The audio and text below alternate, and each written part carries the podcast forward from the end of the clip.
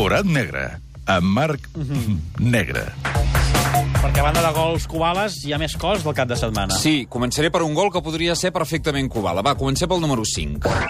5. Fins ara, per mi, el millor gol que s'ha marcat en aquesta Eurocopa de futbol no és d'aquest últim cap de setmana, però sí de l'última setmana. És el que va marcar Ibrahimovic en el Suècia-França. Oh. Un gol intrascendent, perquè els suecs ja estaven eliminats. La narració, atenció, perquè és del Jazeera Sports i et poso dues feines o dos concursos o dues endevinalles. A veure, va. Una comparació que fan al Jazeera Sports entre Ibrahimovic i un exjugador de futbol, aquesta és fàcil, i la segona, una comparació entre Ibra i un animal.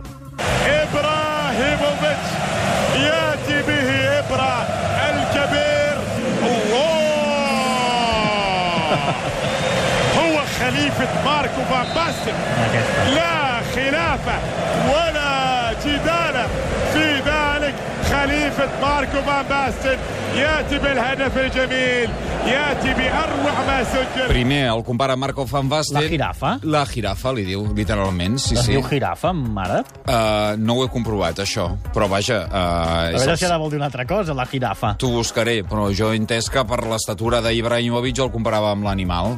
Però ho comprovaré. Diccionari d'àrab, ja. Vinga, el 4. 4.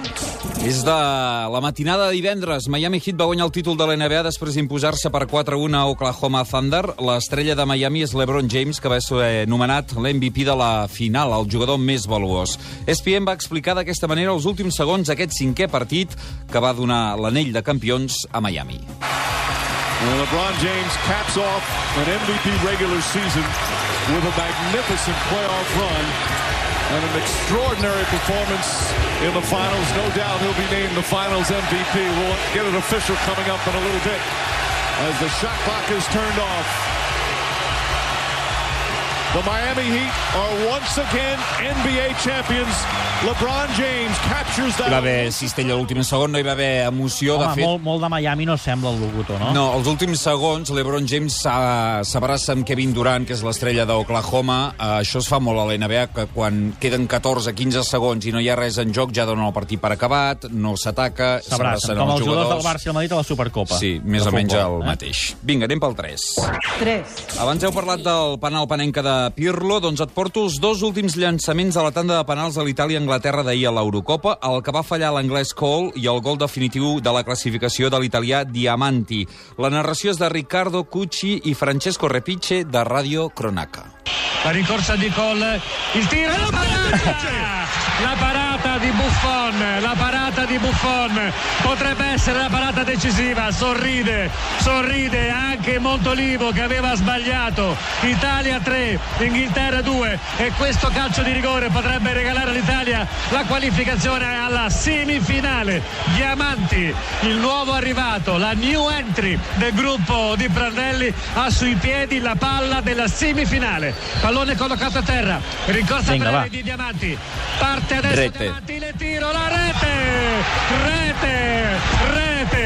No perd gaire els papers, tampoc. No, Eh? no. Uh, el company, el Francesco Repice, que ve ara, tot seguit, és una mica més efusiu i parla d'Itàlia, que es mereixia guanyar veure, aquest partit.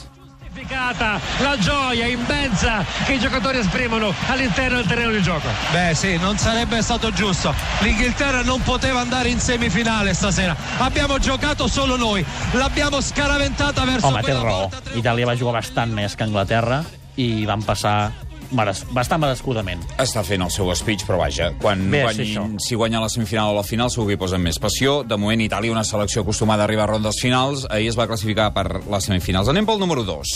2. Ahir es va fer el Gran Premi de Fórmula 1 d'Europa al circuit urbà de València. Ja saps que va guanyar Fernando Alonso. En Ferrari el van acompanyar al podi dos veterans, Kimi Raikkonen i Michael Schumacher. I el van acompanyar al podi perquè una volta del final hi va haver una topada entre Pastor Maldonado i Lewis Hamilton. Hamilton és britànic, lluitava per la segona posició i afrontava aquesta prova com a líder del Mundial. Per tant, la narració de la BBC anglesa va ser d'aquelles potents.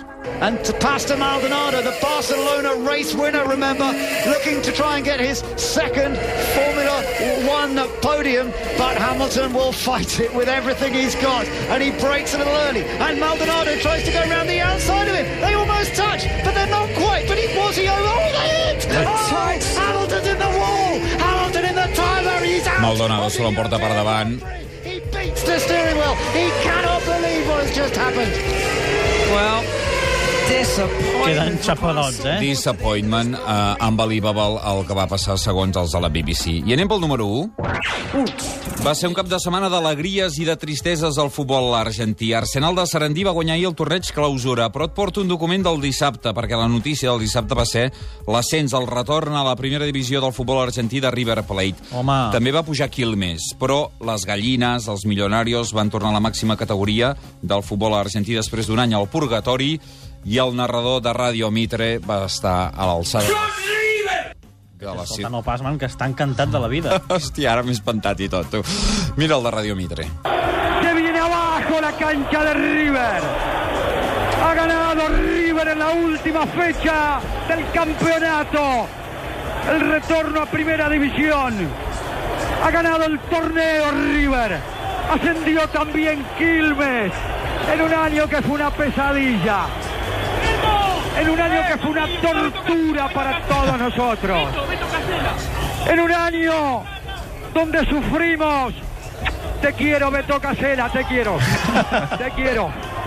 Te quiero, papá, te quiero. En un Fa la dedicatòria al seu pare, mig de la narració, uh, li dedica al seu Home, pare. vam gaudir molt amb les narracions del descens i ara toca també buscar la part positiva d'aquests pobres seguidors de River que van plorar tant la temporada passada. Sí, eh, estaven contents els de Boca, l'altra mitja Buenos Aires estava trista per l'ascens de, de River.